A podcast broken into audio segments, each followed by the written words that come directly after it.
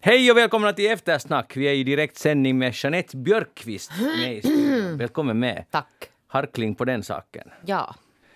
Man måste klira eh, Stämbanden. stämbanden. Ha- Har du Det här är alltså- sjungit någonsin? Alltså i kör eller något sånt? Nej, jag är inte sån, men det där, jag har däremot gått sådana röstkurser för radioprat då under studietiden. Det har du nog också gjort. Ah, jo, man skulle må med där. Så ska man stå och sjunga blåbär Ja. i stämmor på spårvagnshållplatsen. Ja. Men det där, och man skulle inte harkla sig alltså förrän man ska börja prata. Så som jag nu gjorde. Jag, jag har märkt att jag harklar ganska ofta. Är Jo, men det liksom ska man dåligt? inte göra, jo, för att det blir på något sätt, det irriterar sen och sen, ja, helt fel, sluta. Sådär.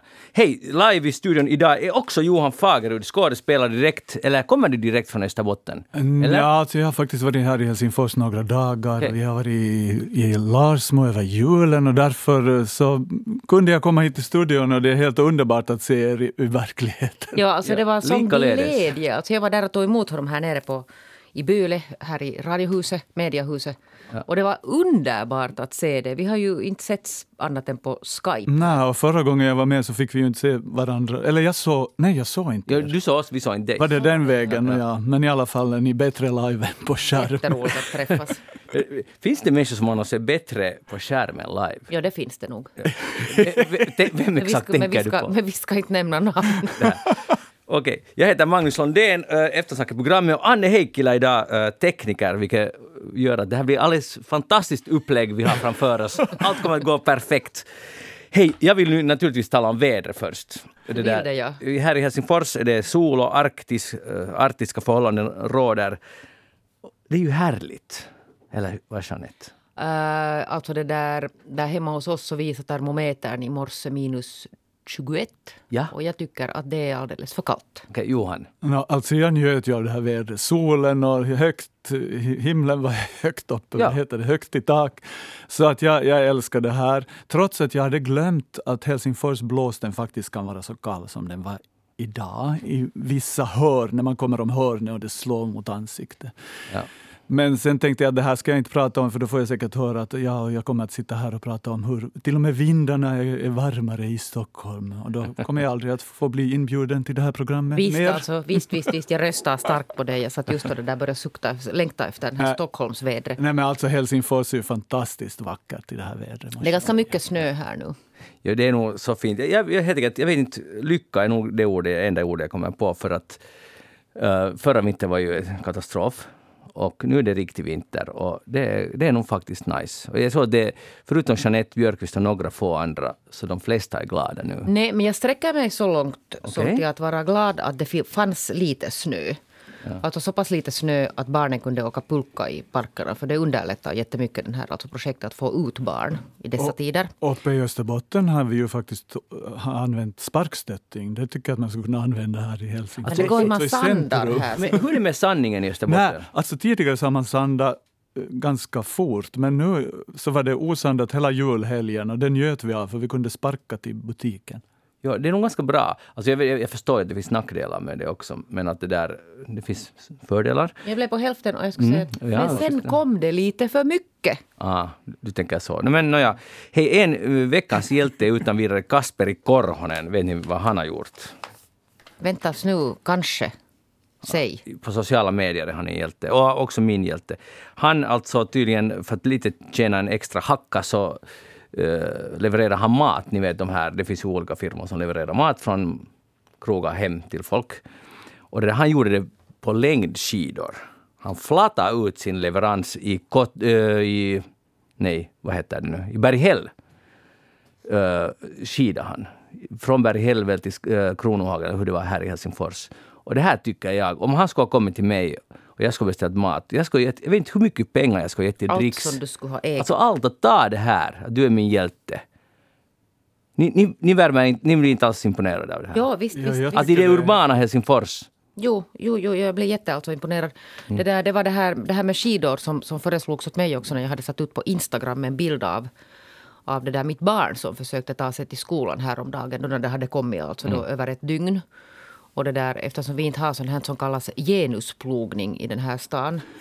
Vad är det? Det betyder det att man alltså det där prioriterar till exempel såna sådana ställen där det går äh, äldre och barn och barnvagnar, alltså trottoarer och sånt här. Jag opponerar mig mot det här ordet genus. No, det är från Sverige. Alltså, men jag, jag, jag, jag, vill ändå anmäla op opposition. No, no, jo, men de kan, så här kallar man det. Alltså det, det är känt som sånt i Sverige. Och det håller man inte alltså på med här, utan det där på morgonen gick alltså det existerar inga trottoarer i, i Tölö helt enkelt. Det Nej. fanns inte, det var bara alltså drivor. Uh, och det kan man ju förstå, men sen ännu fem timmar senare så såg det likadant ut. Och jag tror att det var igår kväll så kom det, alltså uppenbarade sig en trottoar där nära oss. Att det plötsligt liksom gick att gå på trottoaren. Men jag, jag kan rapportera från uh, lite norröver i Helsingfors. Så onsdag morgon tidigt så skidade jag till jobbet.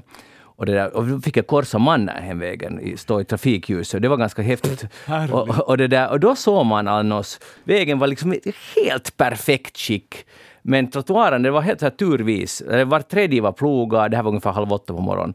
Två tredjedelar inte plogade. Och då var jag ju glad över att de inte plogade, för man kunde susa fram ganska snabbt. Men sen på eftermiddagen var det fixat. Så nu är det ganska effektivt i Helsingfors. Men så Säkert där alltså i centrum ja. det där. Jag måste nog säga att, att, att jag är nog glad att, att vi inte har ett barn som behöver föras omkring i barnvagn mm. just nu.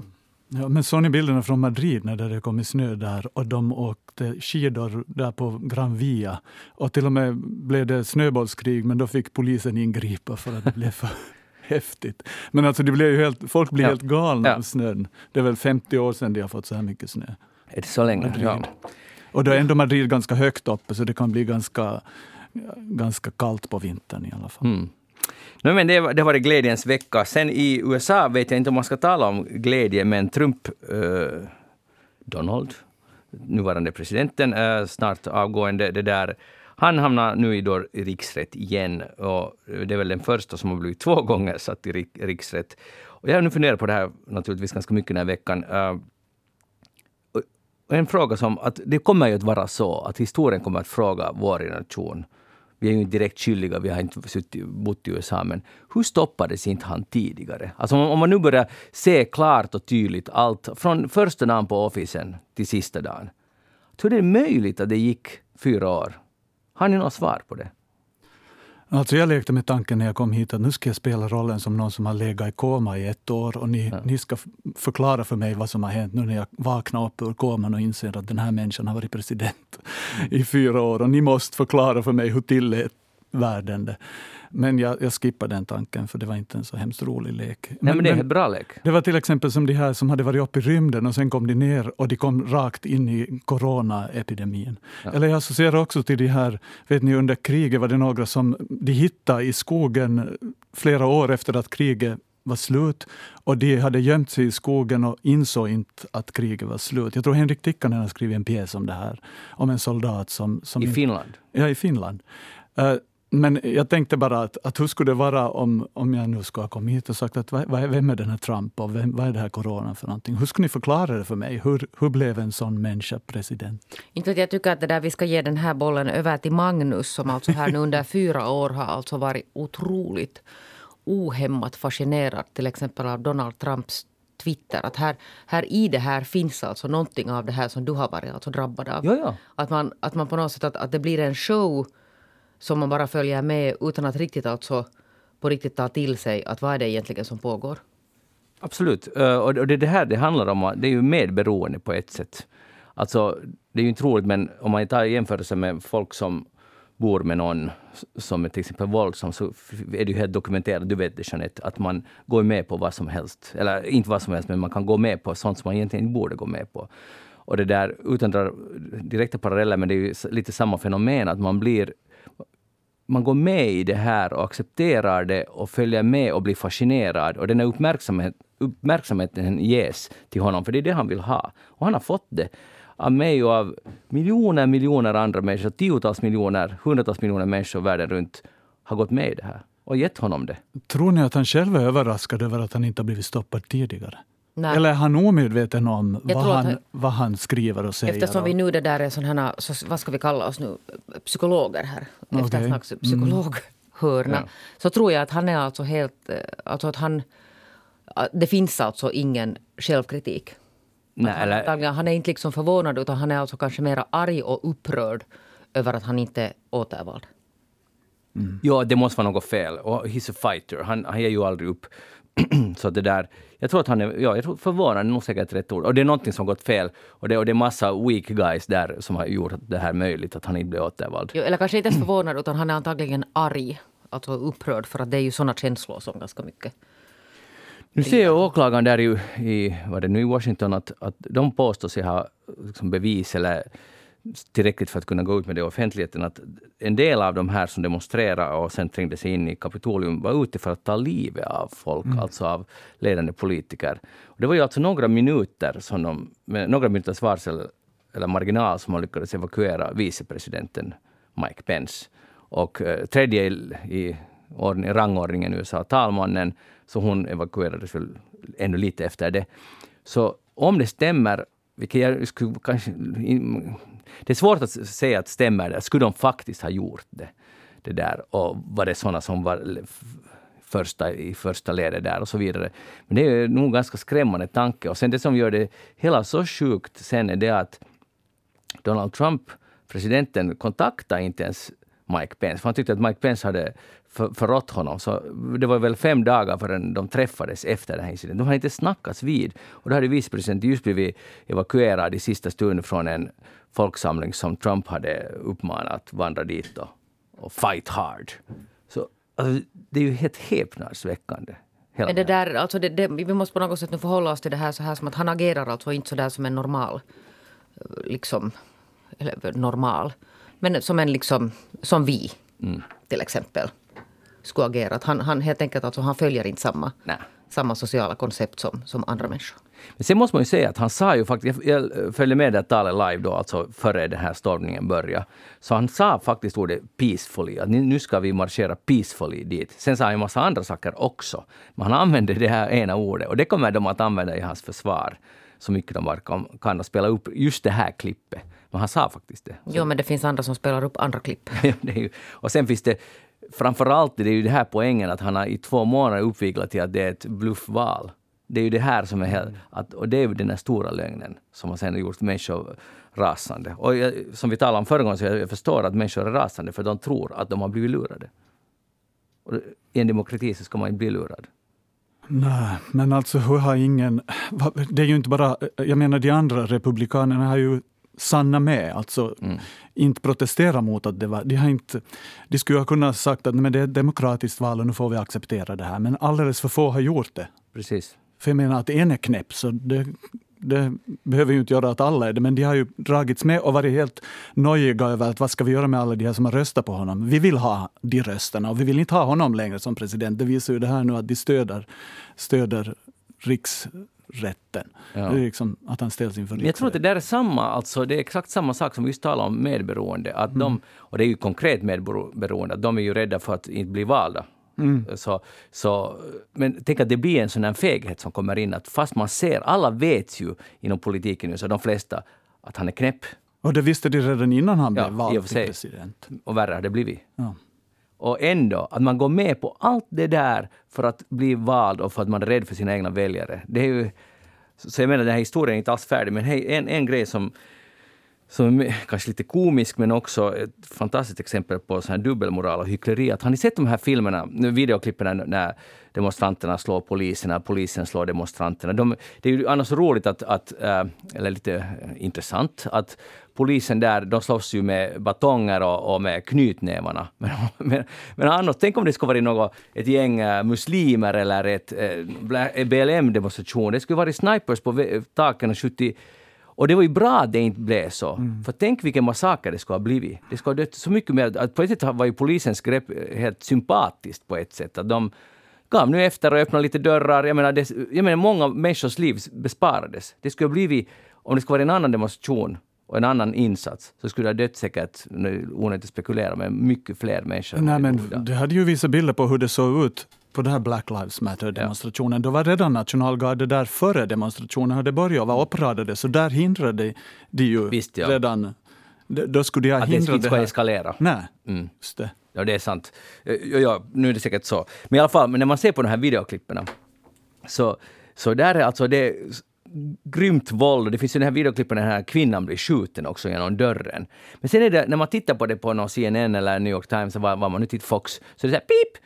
Get the pip out of here! Vet du, att det värsta våldet, den mest dramatiska dagen i USAs historia, men sen ska man ändå hålla stilen och ta bort fuck-ord och sådana svordomar. Att det får vi inte visa åt eller så att, så att amerikanska allmänheten hör. För det är liksom, då, då är det gått för långt. Men det är samma som att man blurrar alltså bara bröst alltså i sådana här filmer där man alltså slaktar varandra och, ja. och spjäkar upp alltså kroppar och det flyger ut inälvor. Det är helt okej att visa. Det, men, men det här är en skillnad, det är en film. Men här är det, det här är verklighet. Och de säger fuck där, för att de vill någon är arg. Och det, och det skjuts människor. Men skjutande får visas. Jag tycker bara det är mm. att, väckning. Att det, att det där går inte för sig. Vill ni gå vidare? Nå, ja.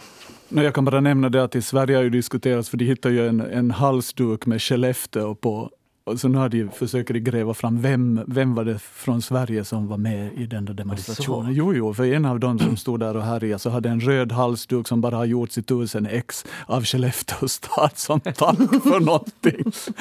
Så att de, de, jag tror de har ännu inte kommit på vem det är, om det är en svensk eller om han har köpt den på loppis eller vad det är. Men, men Skellefteå stod det och sen i bilderna efteråt när man såg den här förödelsen och krossat glas så ligger den där Skellefteå-halsduken slängd där i ett hörn. Hey, visst är det så att nästa vecka, hör du, när vi bänkar oss här, Magnus, så har Biden tagit över? Ja, då har vi en, en ny era inleds. Men jag vill tala om tryckfrihet, eller åsiktsfrihet, tryckfrihet, vad ska vi säga, att man får säga ut sin åsikt. För nu har ju då, som vi vet, efter förra veckans eftersnack, så på kvällen så stängde Twitter av honom Mr Trump helt och hållet. Och nu har det blivit en stor debatt och jag tycker det är en jätteintressant debatt att Facebook har ju också stängt av honom och uh, vem det nu annat var. Uh, och Parler har blivit i praktiken avstängt dit folk hoppar först och nu hoppar de till Telegram och till Signal, de här apparna för att kunna diskutera sinsemellan. Men var går gränsen? Jag vet Jeanette ungefär men din åsikt, för vi har diskuterat det här på Facebooks, eftersnacks eh, Facebook-sida. Men var står du i det här? Tycker du att det är upprörande att Twitter stänger av Donald Trump där, och massa andra konton också. No, du, nu är det, det här är ju alltså en jätte, jättesvår fråga. Ja. Alltså det är en jättesvår fråga och det här delar ju. Alltså det finns ju inte alltså några enkla svar på den här frågan. Men det där, om man nu tar det liksom den allra enklaste infallsvinkeln på det här så är det ju så att Twitter är ett privat sånt här bolag som har regler. Eh, och följer inte någon de här reglerna så har de ju alltså rätt att stänga av. Det finns inte liksom någon sån här människorättsaspekt liksom, aspekt i det här att du har rätt att agera och skrika och härja vad du vill på Twitter. Nå, sen det där mm, så blir ju då nästa fråga det att, att okej okay, att, att nu stängde de av Donald Trump. De har ju förvisso nog stängt av alltså här längs med åren, alltså vissa andra också. Alltså gått in och, och det där rensat. Det har Facebook också med allehanda alltså teknik. Gått in och rensat, alltså sån automatrensning som sen också leder till problem men de här då som tycker att, att det här är äh, fel sätt att se på det, alltså de som tycker att han borde ha fått stanna kvar där. Så de säger att här finns då faran i det här att var drar man nu sen gränsen att, att, det där, att när börjar man då till exempel, äh, som någon kan tycka, censurera mm. någon. Och han är ändå USAs president. no, ja, men han har ju det där, alltså deras motivering var ju det att han, de hade varnat honom att han uppviglar till våld. Och de tolererar inte att man uppviglar till våld. Och det kan man ju på något sätt tänka att, att det är ju en helt adekvat syn på det här. Mm. Att du får inte använda Twitter till att uppvigla folk till våld. Det är nog ganska svårt att, att hålla en sån linje. Men att... Ja, det är jättesvårt, alltså, särskilt för att det där för att det är ju, det är ju det är liksom lätt om man tittar på Donald Trump. Han är så stor, alltså, han är så, så mäktig. Men sen finns det ju alltså säkert tiotusentals andra. Alltså, jag menar sådana till exempel professionella trollfabriker som använder de här sociala medieplattformarna fel.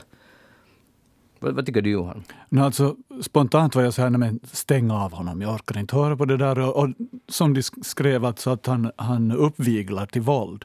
Så det var, men, men ju mer jag tänker på det och dessutom med kommentarer som har kommit till exempel från Navalny, heter han så? Han som blev mm. förgiftad. Ja. Han sa ju att det här, han var emot det, för att han tycker att det här är ett hot. Eh, att, att um, vad heter det? Andra kan utnyttja det här. Om man kan stänga av Donald Trump så är det också okej okay att man stänger av oppositionen till exempel i Ryssland eller i Kina eller som nu i Uganda så har de ju stängt ner sociala medier helt så att inte opinionen, op, oppositionen kan komma till tals. Så att det är problematiskt. Samtidigt som jag själv minns, när jag såg det här talet som han höll just innan de, de stormade kongressen, så, så var jag ju sådär, jag orkar inte höra på det här mer. Så jag vred ner, så fort jag såg att han kom i bild så drog jag ner volymen. Så det var en form av självcensur för att skona mig från hans eh, ord. Men, men jag tycker det är problematiskt. Mm. Alltså, men, men jag frågar mig att varför har de inte gjort det tidigare? Och, och Säkert därför för att det är inte är någon lätt sak Att, att göra det här. Och sen handlar det väl om pengar för dem också? Helt säkert. Han har 80 miljoner följare. Magnus Lundén bland dem? Nej, jag, jag, jag, jag följer. Jag går... För jag, kan, jag kan inte, du kan ju inte följa med för han är avstängd. Nej, men jag kunde inte leva med... Efter två år så kunde jag inte leva med det att jag är med i statistik, att jag följer honom. Så jag gick liksom manuellt in och kollade alltid vad han hade skrivit. för jag vill inte vara med där. Men vi vill, jag vill på något sätt tro att alla, alla röster ska höras och så kan var och en vara så smart och intelligent att de själva kan tänka och gå till källorna och kritiskt granska det som folk säger. Men tyvärr så har världen förändrats på något jo, sätt. Att vi blir liksom hjärntvättade om vi... Någonstans måste man liksom ta som utgångspunkt, alltså vi kan ju inte dra någon sån här, jag Finland har en egen grundlag och Sverige har sin och liksom alla andra länder har sin grundlag. Men om man nu liksom utgår från till exempel FNs människorätts, mm. det där, reglement som nu väl då borde vara sån här globala, alltså som alla följer. Så där finns alltså, det stipulerar vissa liksom sådana grundläggande, alltså mänskliga rättigheter. Och, det där, och, så, och sen så liksom tar man det steget vidare att, att när man börjar alltså i sitt uttryck bryta mot till exempel uppviglar mot våld eller liksom manar till folkmord. Förstår mm. ni? Sånt här. Så då tycker jag inte att man... Då tycker jag att, att, att då ska man nog liksom fundera att, att, att ska yttrandefriheten gälla såna åsikter? Nej. Det finns ju den klassiska äh, principen att jag hatar dina åsikter men jag är beredd att försvara dina... Din Eller dö, dö, för att, dö för, att för din rätt att, ja, att uttrycka, uttrycka dina åsikter. Men, men i det ingår ju inte att, att stödja någon vars åsikt är att utrota folk till exempel. Ja, till exempel en sån detalj. Ja, ja. Men, så, så den, den, passar in i en värld där man så att säga diskuterar å, åsikter, diskuterar och det inte händer så mycket mer. Det är liksom den, ja, som en följd av decent people som är liksom på något sätt ändå ja. av, diametralt Men vem drar sen gränsen? Vad är decent people? Mm. Det är det här som gör det så jätte, Men det är det jag menar, liksom, att då kan man ju åtminstone ta till exempel den här eftersom nästan hela världen alltså har har gått med på att de här FNs människorätt är liksom någon sån här ja. sak, så liksom världen som binder oss alla samman. Mm.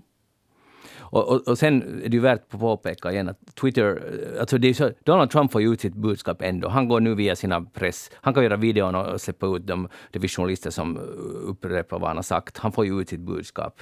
Och sen de här gru grupperingarna som har förbjudits, där... uh, eh, ytterhöger i det här fallet, det finns säkert yttervänster som också har förbjudits, hoppas jag. Men uh, som de uppviglar till våld, så inte, inte måste ju Twitter ha dem kvar där. Alltså, det är ju ingen mänsklig rättighet att få vara just på Twitter. De kan gå ut på gatan och ropa att kill everybody. Aha, okay. Eller ordna presskonferenser liksom ja. för de som vill lyssna på det här. Men samtidigt så riskerar det just att skapa martyrer och det skapar, man känner utanförskap och samhället är ruttet för att det censurerar allt. Och de kan babbla på om det här. Så det skapas en nya... nya det är alltså, det, är det som jag säger, att det, alltså det är en jättesvår... Alltså det, det finns inga lätta svar på det här. Nej.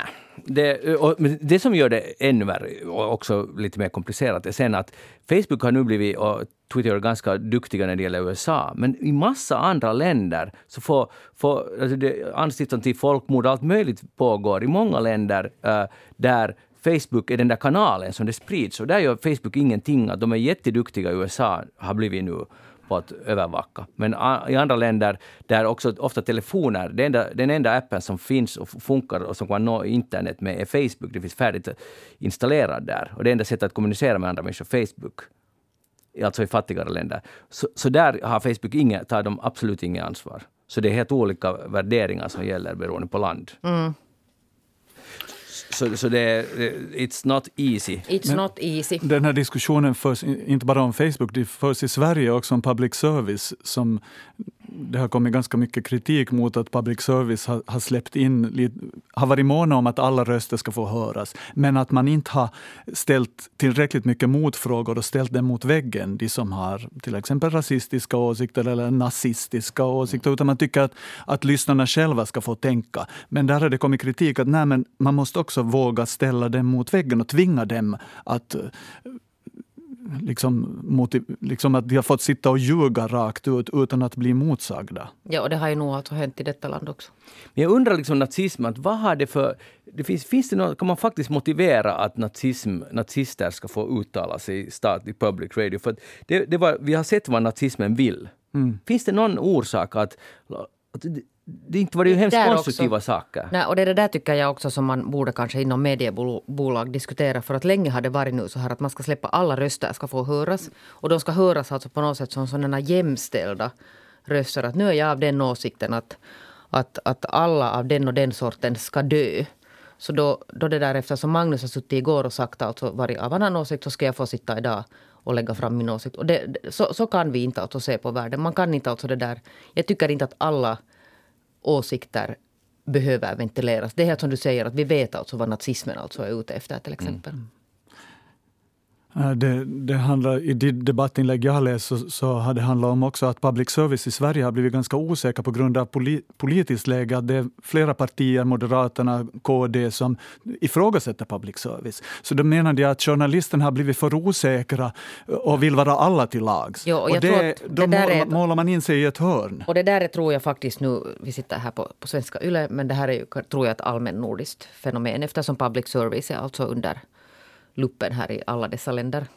Ja, och bör försvaras i mitt jo, tycke. och det har förts alltså, ja absolut, och det har ju förts samma diskussioner om att man blir sen så ängslig alltså att mm. det där, att man inte riktigt vet det där hur man ska vara. Och ängslighet, det är aldrig bra. Nej men det kan jag säga så där som om man får ge råd åt, åt det där YLE som bolag. Så jag tycker inte att, att varje gång som man vill diskutera så att säga invandringskritiskt så behöver man inte bjuda in en sann finländare som får alltså det där servera sin agenda. Vem ska man bjuda in istället då? No, det där, man kan bjuda in Sannfinländarna till exempel att diskutera saker som, som det där, inte det som de vill diskutera. Mm. Alltså förstår ni att, att att, ja, att, att, det har blivit liksom att det, det, var där i något skede så satt det liksom en, en sann finländare i varenda debattprogram och diskuterade alltså invandring. Och då går man ju alltså i deras ledband, då låter man dem alltså komma till tals bara i de sakerna som de vill. Jo, man borde ta reda på vad de annat står för i så fall. Till exempel alltså där hur de hade tänkt finansiera alltså infrastrukturen inom vägnätet mm. i, i det här landet. Mm. Vi har kommunalval på kommande så här finns en fin möjlighet för alla mediebolag att Ja, så kan man alltså framförallt komma ihåg att, det där, att kanske man inte behöver diskutera Finlands äh, asylpolitik. Eller det kan man ju göra, men det har ju ingenting med kommunalpolitik att göra. Mm. Jeanette Björkqvist, vad har du tänkt på den här veckan? Nu hörde jag läste det där en, en kolumn i Husis av min tidigare kollega sportchef Fille Saxén som jag blev lite sådär upp, alltså glad över på något sätt för att han säger nu det här som man inte får säga. Han ställer sig jättekritiskt till det här att gällande de här coronarestriktionerna. För nu kom det ju igen alltså helt alldeles, vad det igår eller igår var det säkert en rekommendation om att man fortsättningsvis ska hålla alltså barnens hobbyverksamhet stängd eller på distans. Att, att barnen ska... Vi har ju stängt simhallar och liksom allting är ju, är ju fast. Och då uttalar han det här förbjudna, alltså där han, där han undrar att, att hur kan det vara så att vuxna ska få liksom dra huvudet fullt och sjunga karaoke alltså i fyllan och villan på, på restaurangerna men barnen får inte gå till simhallen eller till sina hobbyer. Och det här, och det här blir ju genast sån här, liksom, det briserar en bomb. Att man kan inte liksom jämföra de här och man kan inte alltså ställa de här mot varandra. Och det kan man alltså i och för sig inte. Och det där, och, jag menar, det är olika lagstiftning som gäller. Man kan inte alltså Offentlig och privata. Ja, precis. Ja. Men det där, så där som en, så där som en principiell diskussion så är det ju nog en helt intressant alltså diskussion. Mm. För att det är ganska många nu som är väldigt ledsna över att, att barnens hobby igen är alltså på is.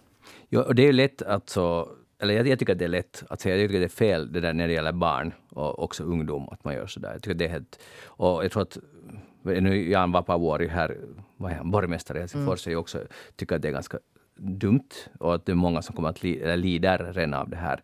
Och jag tror att nyttan av det, alltså obs tror jag, inte läkare, men att jag misstänker att nyttan är mycket mindre än skadorna. Alltså, ja, och sen alltså framförallt som, som det där att det görs liksom vissa sådana sådana beslut utan att man liksom kan påvisa att vad, vad är det som ligger bakom det här? Att, att finns det till exempel någon nu evidens som visar att, att det just alltså inom barns hobbyverksamhet har spridits. Nej, men massa. tror du inte det handlar bara om det att det, det där går att göra? Ja, och det är exakt just därför Ja. att det lär inte finnas alltså någon sån här. Men det går att göra och det är ett beslut. Okej, vi stänger alla Och så eh, blir det sån här, någon sån här symbolisk handling att, att vi gör det här nu så här. så Ja, har för att visa allvar och för att, ja, jag tror man inte har tänkt igenom det. Och för, framförallt för att det går, för det är lätt att stänga. Vi stänger alla offentliga idrottshallar och alla, vad var det nu som är stängt? Vi stänger allt. Det är ett lätt beslut. allting är ju alltså Det är ett lätt beslut att fatta. Och då får ingen alltså nu tro det att jag anser att man borde stänga alltså också restauranger.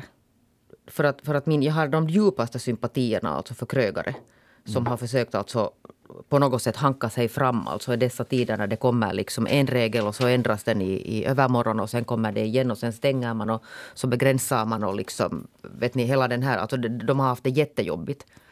Med risk, där när man tar det så där som en liksom filosofisk diskussion. no, med risk för att låta som någon ur... Det, det fanns någon i en Astrid Lindgren-saga som sa att hemma på vår gata så gör vi så här och så här. Så jag tycker jag börjar mer och mer låta som, ja alltså i Sverige gör vi på det. Mm, Nej, men det var faktiskt i morse när jag lyssnade på Sveriges Radio så var det faktiskt den här diskussionen som fördes. Att, att, och det, handlade, det blev också en klassfråga. För att de barn som kan utnyttja skridskobanorna inne i Stockholms centrum så är de som inte har råd att åka med familjen till eh, fjällen. Och hon som hade ansvar för det här på Stockholms stad så var så här ängslig och jag inte vet vi riktigt vad vi ska göra. Och så visade det sig att hon hade varit just i fjällen med sin familj. Så hon drog mattan under sig själv. Men, men ehm, det, jag tycker att det finns en, en ehm, vilja att, och, och att man ehm, väger det, att det är viktigare att barnen får vara ute och röra på sig än den risk som det eventuellt innebär. Ja, Sverige stängde ju aldrig skolorna. Nej, Alltså de här men- grundskolorna, Nej, lågstadiet. Men eh, Johan, menar du att skridskoplanerna är stängda i nej Stockholm? det är inte, men jag diskuterar alltså friluftsverksamhet, Ja. alltså barn som är med i fotisklubbar och sånt. Det har varit stängt och, eh, och de menar att, att nyttan av det är mindre än vad det, Nyttan av att stänga det är mindre än, än nyttan av att få barnen att röra på sig. Mm. Och att det också är en klassfråga, för att de barnen, det, för dem är det viktigt den här klubbverksamheten. De som klarar sig nu, eh, om det gäller, om vi talar om barn och ungdomar, är de som har antingen de har en stark drivkraft själva, eller har mycket vänner och de går ut så här, jag vet inte hur många som gör det, eller har föräldrar som är aktiva, hey, nu går vi ut och flattar, nu ska vi ut och skrinna tillsammans, nu måste vi hålla oss igång. De kommer att klara det här alldeles galant. Inte, inte kommer det att vara ett hem, jättestort problem, att frustrerande. Men sen finns det den här gruppen som vi inte ännu vet vad det här kommer att innebära. Och det kommer ju att sannolikt att bli som den här lama, så kallade lama depressionen i början av 90-talet. Att ännu 20 år senare, 30 år senare, så ser man effekterna. Jag hoppas det inte så, men det finns en stor risk om det här fortsätter länge. Sen är det ju det att, vems fel? Det här är ju ingens fel. Jag menar, besluten är någon, någon måste ta ansvar för besluten, men det är det som gör det också så här att vem ska man vara frustrerad mot? Vem är, vem är corona? Att det är ju det som gör det också lite knepigt. Men jag tycker att det där beslutet absolut, hoppas att de ändå ska komma till en annan Ja, men nu kom de ju alltså, nu kom de ju inte utan tvärtom så förlängde de nu den här rekommendationen om att man inte öppnar någonting. Och jag menar alla följer ju det. Mm. Hej, äter ni D-vitamin? Ja, Ja. jag hittade en gammal burk som hade gått ut och jag ökände i min familj att jag kan inte kasta något så jag började äta av de gamla. D-vitaminer. Jag tror verkligen att, att de fungerar. För jag, Men jag tycker att jag skulle ha läst någonstans att det har ingen effekt. Alltså. Man För jag läste just att, att det har. Aha. Och det är säkert både och. Att, Det lär vara så att man ska äta mycket mer än vad det egentligen de här rekommendationerna. Ja, alltså Guardian hade en lång genomgång av det här faktiskt. Helt saklig artikel. Att nu har läkarna i Storbritannien börjat fundera på att varför, varför, varför går vi inte ut med rekommendation att alla för säkerhets skull ska äta D-vitamin? Att staten skulle betala det. Att ät nu. Vi vet inte helt säkert, men det, finns, det tyder på att det skulle hjälpa. Eventuellt. Och, det där, och, och sen nämnes faktiskt Finland i den här artikeln. Att, att en möjlig förklaring, och jag tror inte alls det är hela förklaringen, om det är en sen förklaring, men i alla fall nämns det att Finland och Nya Zeeland, men Finland var det det att här sätts det ju in D-vitamin i mjölken. Mm. Och många av oss, kanske inte just vi, men dricker mycket mjölk. Och det här skulle vara en förklaring. Och om det någon gång visar att det här stämmer, En förklaring till vad? till att uh, Finland har så bra uh, covid-19-läge Ah. att den här D-vitaminen och, och det där, och det är ju superintressant i alla fall som en det borde utredas, att kan det stämma? I så fall är det ju ganska intressant. Och, och, där, och där var det, de var jättekritiska till Storbritannien, att man inte alls har gått ut med den här D-vitaminsgrejen. För att det, är ändå, det är ju ändå billigt, det finns egentligen ingen risk med det. Och jag menar inte man ska äta det och tro och sen eh, är alla risker försvunna. Utan jag menar, alltså, why not? Man har ju ingenting att förlora egentligen på det. kostar inte mycket de där pillerna. Så jag, jag, jag checkar D-vitamin. Och utan att jag tror att att nu är allt fixat. Utan, Men gjorde du det innan nu? Det? Jo, jag, jag har nog alltid på vintern alltså. Ja, så det, det här är alltså den här D-vitaminen är ju orsaken till att jag solar så mycket på sommaren. Att jag tankar sån här Ah, tankar D-vitamin. Sån här riktig D-vitamin som man får från solen. Ja, den är säkert bättre. Och det går ganska överriks det här mitt tankande. Men jag, jag verkligen satsar. Det, det, det är vad jag håller på med på somrarna. Jo, jo, så det, det, eh, det, är, ett, det är en vitaminfråga. Det har Exakt, det har ingenting annat med, det har inte med någonting annat. Det är en vitaminfråga. Saken klar. Johan Fager, vad har du tänkt på den här veckan? Nå, jag har tänkt på det här med föräldrar och barn och det har ju absolut ingenting eh, med att göra med att, att mina barn håller på att flytta hemifrån och jag får ångest. Eh, ni, era barn är väl betydligt yngre än vad mina är? Antar jag. Ja, okej. Det är jag inte säker. Nej, men i alla fall, jag funderar på det här att hur mycket ska vi föräldrar blanda oss i vad våra barn ska göra med sina liv? Aj, med sina liv. Ja, och Min åsikt är säkert att ganska nej, mycket. Nej, nej, jag, jag, försöker, jag har trott att jag håller distans, men då lyssnade jag på söndagsintervjun i P1.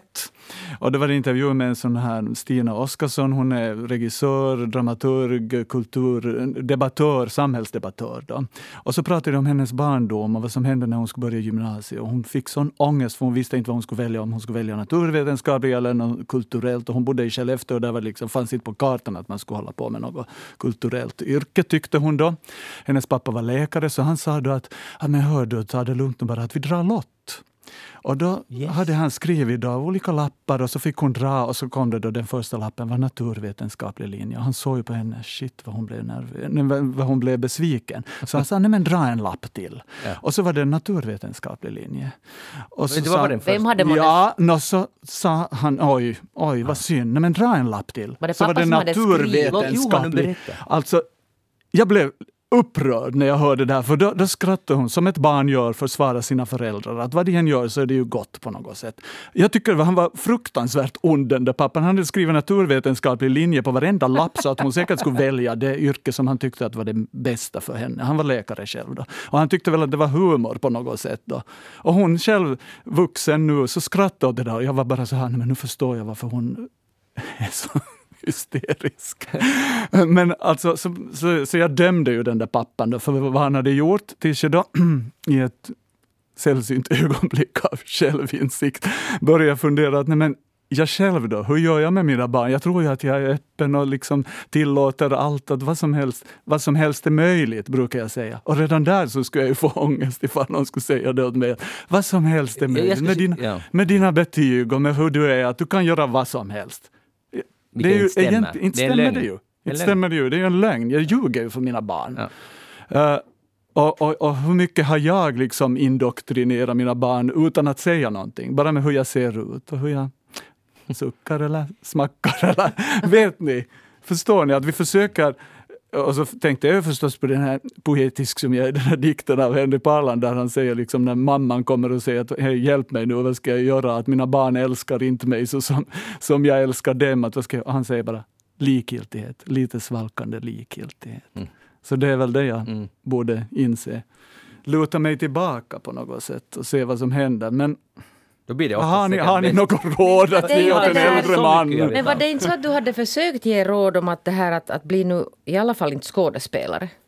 Ja, och vår äldsta dotter som Det blev skådespelerska. ja, så det gick ju inte Eller inte sa jag direkt att bli nu inte skådespelare, men jag var mån om att inte liksom Styra det. styra det. Ja. Och just det, ge- genom att inte styra det, så blev hon ju helt nojig att jag på något sätt inte ville att hon skulle bli det. Ah. Eller att jag tyckte att hon inte hade begåvning för det eller någonting. Så att också genom att vara försiktig med att uttrycka min åsikt så uttryckte jag alldeles för mycket. så vad vi än gör vi föräldrar så, Så blir det skadar fel. vi våra Det är väl barn. så att den här Magnus äldsta nu är journalist eller på god väg? Ja, han Okej, studerar. Ja. nå just så. Har du sagt åt honom vad, vad, vad du än gör så bli en journalist? Eh, Nu eller? har säkert någon sagt något sånt. Att det, Eller har är, du nog- det, sagt, nog, det finns ingen framtid i det yrket. alltså förut. Men, alltså, men det, alltså, barn måste ju fatta, eller ungdomar, vuxna, sina egna beslut. Så att, eh, jag, jag tycker det var ett bra beslut. Nej, men hur var det för er när ni valde era yrken? Blandade era föräldrar? Inte alls. Nej, inte mina heller. Kanske lite, men inte nu mycket nej, faktiskt. Men, men jag vill gå tillbaka till den här farsan nu. Det, Okej. det, här är det här är ju verkligen, det är ganska ondskefullt. Jag tycker det är Ja, ondskefullt. ja, men, men nu är frågan det, att A, var det då humor? Eller B, en go- god tolkning? en snäll tolkning är att pappa såg att det är nog det hon ska studera. Nu hörde hon valde sen naturvetenskaplig ja. linje och gick två veckor och sen hoppade hon av det för hon insåg att det här kommer hon inte att orka Ja, då, då föll den teorin. Mm. Då, då var det bara ondska. Mm. Och, och, att en pappa som vill styra sin, sina barns liv, ja, jag, jag är underkänt. Full, fullt underkänt. Dåligt föräldraskap.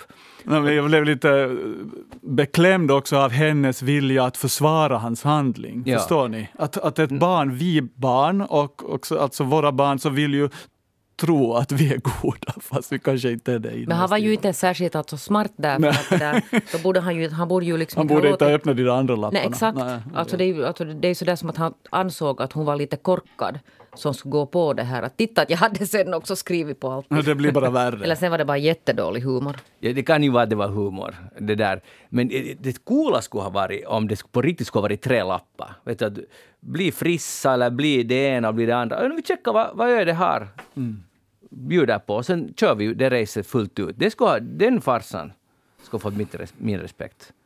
Eller dotter framför allt, som skulle kört det där racet hela vägen ut. Alltså det skulle vara ganska häftigt att man sätter sitt liv så där bara beror på tre lappar. Skulle ni våga det? Och sen köra det helt ut? Nej, jag tycker nog att man måste göra sina sådana viktiga val på andra sätt än med men om man inte man vet? No, om inte man vet så då, ja, no, men då måste man göra så att då skriver man ner alltså tio saker som man tycker att är intressant och sen därifrån. Låter, men inte sådär nu att liksom anything goes. Men alltså å andra sidan, hon gjorde ju sen ett, ett eget beslut när hon hade gått två veckor på den här naturvetenskapliga linjen och insåg att nej, men det här är inte för mig. Ja. Och så valde hon att gå eget. Då. Så hon, hon kom ändå till det där insikten ja. hon fattade sitt eget beslut. Ja. Och det är ju huvudsaken. Mm. Och samma gäller nu antagligen då, uh, Johan, din dotter och min son, att nu är det ju egna beslut. Mm. Och det, det, då, då är det rätt beslut. Men tycker ni inte ändå att det finns, alltså ni som har så gamla barn, att de har valt sen samma yrke som ni, så finns det inte alltså någonting ganska trevligt i det här också? Förstås finns det det. Massa, det finns saker man kan snacka om, alltså ja. nu är det ju roligt. Men inte bara det, utan alltså det att ni som rollmodeller på något sätt har varit sådana att man ändå anser att titta, det där är ju ganska jäs vad pappa håller på med.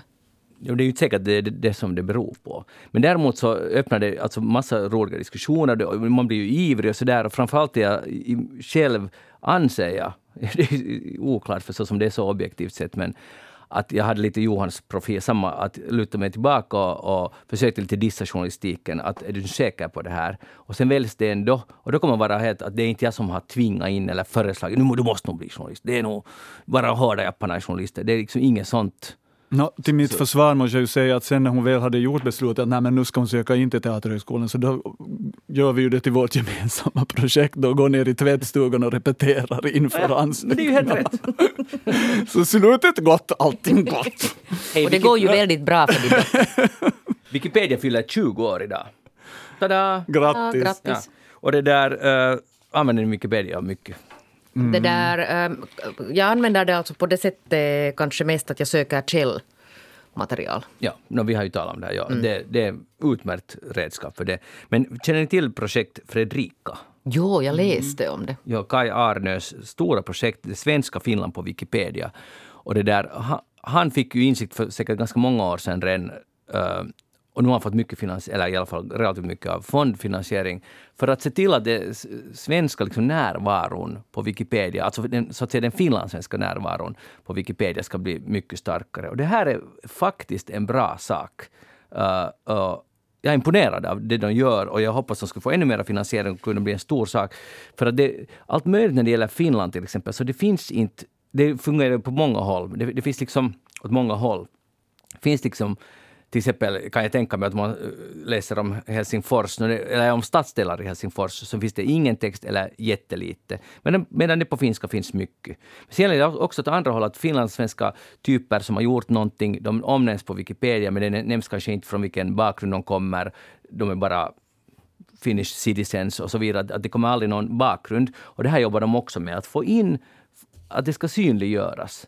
Och, och, och jag är mest förvånad över att det tog så länge. Och inte, det här är inte Kaj Arne, för han har kämpat för det hela tiden. Men liksom att, om vi nu har de här fina fonderna och det är många som funderar på vad vi ska göra med det finns ändå ganska mycket pengar trots allt. Att tänka att det inte har gjorts tidigare, någon sån här stor satsningar. Men bättre för Wikipedia är så pass viktigt, äh, viktigt redskap för så många människor.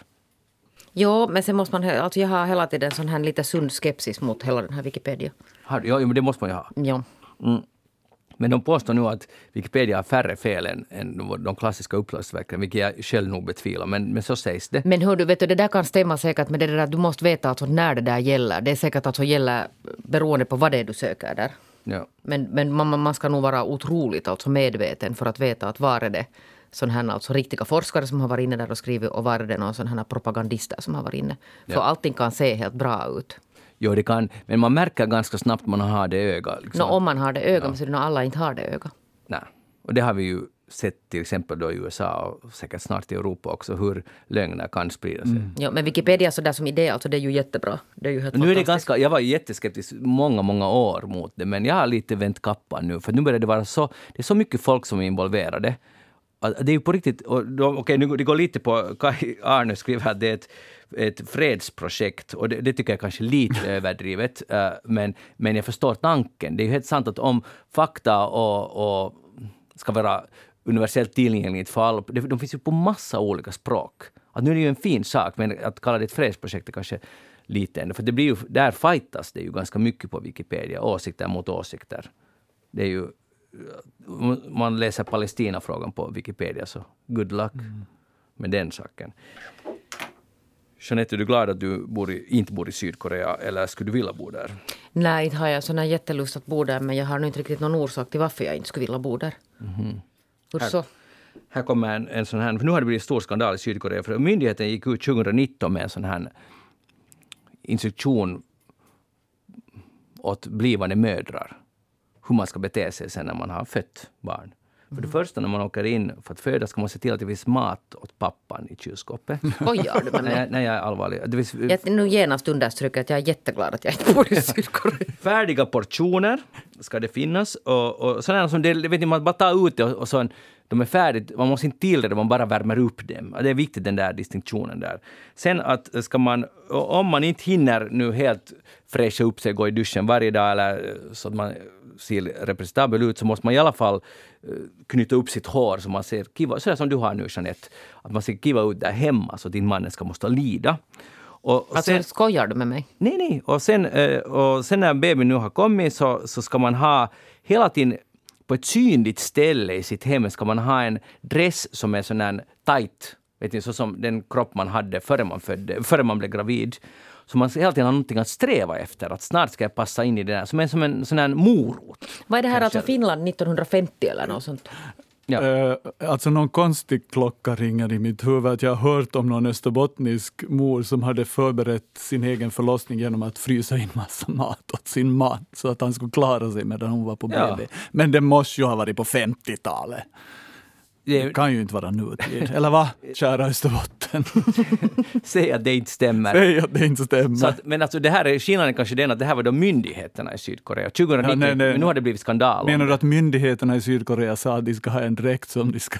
Jag undrar vilka rymma? myndigheter det var. No, alltså, mm, duga, nu, jag kan inte, vi ska se om det står här. Det var någon myndighet. Bla, bla, bla. Den här graviditetsövervakningsmyndigheten. Nej, det står bara myndighet? myndigheterna. Alltså det är någon sorts direktiv för mödrar, kommande mödrar. Mm. Men att, alltså, så, nu, nu, så här är det. Så att på det sättet är det bra att du inte bor i vi alla bor i, inte bor i Sydkorea. No, jo, men sen när det där skulle man bo där och vara född där så skulle man tycka att det här är helt... Nej men det, det var inte, du sa att det blev skandal av det här. Ja, nu har det blivit. Det är ju helt bra. Ja, det är bra. Det kommer att ändras. Eh, Johan, känner du någon eller har du själv stuga i Malax, Korsnäs, Närpes eller Kristinestad?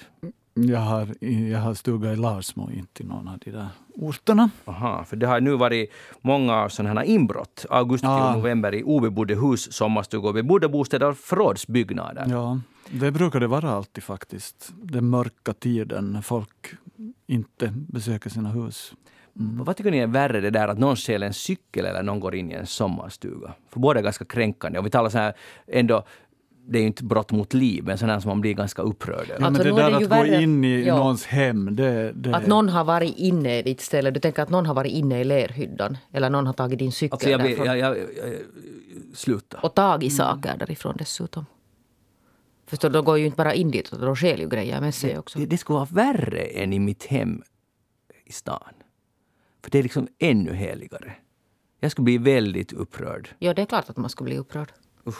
Har du grannar som kollar ditt hus när du är borta? Nej, det är nog många sommarstugor. Jo, jo, vi har fullt av grannar. Ja, ja, som ja, kollar. ja, jo, det är ja. Och övervakning. Jo, jo, jo, film och video och allting. Jo, men i alla fall, vad jag ville säga, att, att det, jag vill bara upp ett upprop till alla i Malaxkorset, När- Närpes eller Kristinestad. För polisen har bland annat beslagtagit flera olika serier av gamla Arabia-serviser. De har fått tillbaka nu av tjuvarna det här. Där finns tallrikar, skålar, kaffekoppar, serveringskärl och kannor. Och dessutom finns det en, en kikare, en vattenkokare, en brödrost, en borrmaskin, en kompressor, olika verktyg, frimärken och en Playstation med spel. Och ingen har kommit och sagt hej, det är min plejka. Men hör du det där, det är ju många som inte du har varit nu på sina stugor som kanske inte vet om att de har haft inbrott. Nej, men vad är det för människor som inte alls någon, någonsin No, checkar vet du in sin det, till exempel människor, no, men alltså när det här hänt nu, alltså här helt nyligen. Augusti till november. Inte har alla det där vet du, möjlighet att åka vet du, om man bor nu till exempel någon annanstans. Men sommarstugor måste, de måste lite pajas och vårdas. Man måste göra Ja, morgens du, jo, ibland. men du har vet du, nu sån här, du är nu vet du sån här vet du, i den positionen vet du, i ditt Vil- liv. vet aj, du, vilken- du kan aj. inte, Den du- bortskämda den finlandssvenskan. bortsett, sån kör vet du sina två timmar vet du, från Helsingfors Ja, över till helgen eller kanske redan fredag morgon kör du Men ser iväg. du, alla bor inte vet du, på det här sättet. Men kan du säga åt mig nu det där att, att har de fått alltså fast de här tjuvarna? Jo, Och vem var de här tjuvarna? det står inte. Mm. Men, men, men att, ja, vilken av de här... Vilken, vilken är mest knäckande att tappa? Att bli Kikare, vattenkokare, brödrost, borrmaskin, kompressor och, och, och frimärken. Borrmaskinen. Du glömde ju alla de där Arabia-serviserna. Ja, men det för... Vad är det, de gamla muggar? Nej, men det är de som de har stulit, det, det har de stulit för pengarna. Det där andra så har de stulit av pur intresse för Playstation. Men, men, men jag tänker, alltså skurkarna kommer dit, hej där är en vattenkokare, den tar vi med. Alltså man får på Clas Ohlson, vad är det, tjusikan? Och sen ska man sälja en gammal, lite tråka den till någon tjuv, annan tjuv, som sen ska sälja den vidare. Marginalen blir förbannat små där. Ja, jag för- ser ju hur de har åkt omkring i en husbil med släp. De, de har Ja. trottat alla de där Arabia-serviserna som de ska sälja dyrt och sen har de sagt oj shit vi behöver en vattenkokare till vår husbil och så har de tagit den på Ah, köpet. jag tycker att och det, det, det är på det sättet Ja, man ja. vill sälja det vidare. Nu, nu är det ju möjligt det, det är så, men jag, jag undrar nog. Nåja, men äh, vi hoppas att, att alla får sina ägodelar tillbaka. Jag måste nog det där genast efter det här programmet botanisera att vem var de här tjuvarna. Jag är jätteintresserad av vem är det som har hållit på med det här. Ja. Jag vill också framhålla att vi har goda grannar som håller koll på vårt- hus på Full koll, samma ja. sätt som du. Ständigt. Och det, det, det lönar inte sig att söka sig dit. Vi har också elstängsel runt där. Och en hund instängd där som vaktar. Hund, ja, ja, precis. Hej, um, det snöar ju mycket den här veckan. Ja, det gjorde ju det. Jo, och sen, jag, jag ska fråga er, bra att vi har representant från, du en dubbel så profil, när du är metropolboende Stockholm, men också Österbotten. Ja, precis. Och Jeanette är, är stadsbo numera. Nåja. För, eh, lite före snön började falla tänkte jag att jag måste göra någonting, för jag ville skydda min bil. Att jag orkar inte med det att man står och skrapar och håller på. Och jag är inte så inbiten bilist, jag är inte så jätteerfaren. Så jag, men jag köpte en sån här duk, en sorts vind... vad heter- Presenning. Presenning kan man kalla det. silverfärgad. Ja, fast den här var mörkblå. Okej. Och så satte jag den över. Och, och, och jag är jättenöjd för att den skyddar bilen. Ingen snö nästa dag på bilen för den, den, den fladdrar så där stiligt som en, som en eh, flagga, som en vimpel i blåsten. Så att all snö blåser bort direkt. Så medan mina grannar står där och är jättefrustrerade kan jag gå förbi och vara nöjd över min Säger du att den här alltså fixar all den snö som föll i det, denna stad? korrekt och helt sådär som och alla andra helt on the edge där. Och då undrar jag, att har jag gjort någonting fel? Är det så att en äkta stadibo ska inte ha sån här, det är till landet? Eller vad är det? Varför har inte alla en sån här presenning över sin bil? Jag tror att, att få räkna med det att det ska snöa på det här sättet. No, jo, jo, men det Den finns... kommer alltid som en chock. Alla har sina appar. Nu vet jag att man kan, man kan förutspå att det kommer Men det, där, det är ju jättebra för dig att du inte behövde det där mm, putsa din bil. Men det där, mm, var var den parkerad den där bilen? På en gata. Okej, en nu blev den sen alltså det där, du hade sen den där lilla snövallen. Jo, måste- snövallen, den är vi ju, där är vi alla människor lika, men vissa är mera likställda än andra. Det är de som har presenning över bilen, för de har... Men, alltså det låter lite som att du skäms för att du hade den där presenningen. Att det är lite medelålders gubbvarning. Det det Absolut, ute efter. och landevarning. Och, och i Okej. mitt fall, vilket eftersom jag vill vara en stadsbo när jag Du bor. är ju alltså en stadsbo. Jag vet, men jag undrar bara att gjorde något etikettsbrott? Att varför har Hördu, inte alla såg, det här? hördu, jag såg där i det där, där i Tölö, min stadsdel, så såg jag att någon hade också varit så där lite förutseende och satt ut ett gammalt täcke på sin bil. Jag är ganska säker på att det funkar inte överhuvudtaget. Det blev sen att gräva fram det här täcket och på något sätt försöka lyfta bort det. Ja, och sen faller all snö men så tillbaka Det, såg, det var inte stads, det var inte alls stadsstyle. Det var lite. Ja. Och jag såg, hörni, när jag skidade då till jobbet, såg jag i Haga en som hade dragit en trasmatta över fönstret. Det såg inte heller så city ut. Så, att, så, att, så att, på det sättet, i, den, i det perspektivet är jag ju ganska urban. Men som citymänniska så använder jag ju inte bilen i city. Ja, utan är jag riktigt city. cyklar och nu kan jag då inte cykla om det är mycket snö så då går man. Eller nu när du pratar om att du skidar till jobbet så jag, jag tänker faktiskt ta och skida, Gör det. skida i Stockholm när jag kommer dit. Nu imorgon förhoppningsvis. Bra. Hoppas det finns mycket snö. Mm, det har kommit lite, inte alls så mycket som här i Helsingfors, men en del. Okej. Men uh, Jeanette, tänker du skaffa nu... Kan du säga ja eller nej? Överväger du ens att skaffa en sån här presenning? Vill du att jag ska komma och visa hur det funkar? Vi har jättemånga presenningar, Magnus. Men vi Men har Jeanette, inte du har det. inte använt den. Nej, jag har inte använt den, för min, min eller vår bil har varit i Ingo hela veckan. Jo, men kan du inte ändå svara nu på en enkel journalistisk fråga? Tänker du börja använda presenning i stan eller inte? Nej.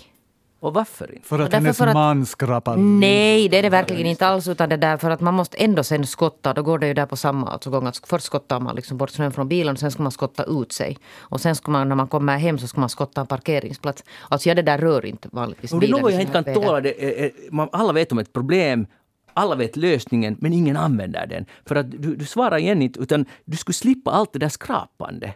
Från själva bilen. Det är ju jätte, man måste ha motorn på, värmen på. Men vet Allt jag det- tycker, problemet alltså jag är tyck- borta. Men jag tycker den där att tömma bilen är ett mindre problem än att skotta ut den där bilen. Mm. För jag kan säga att hur det ser ut alltså där nu, alltså vissa bilar som har varit orörda här i tre, fyra dagar, som de ofta är. Mm. Så det här att få ut de där bilarna därifrån, det kommer inte att vara nice.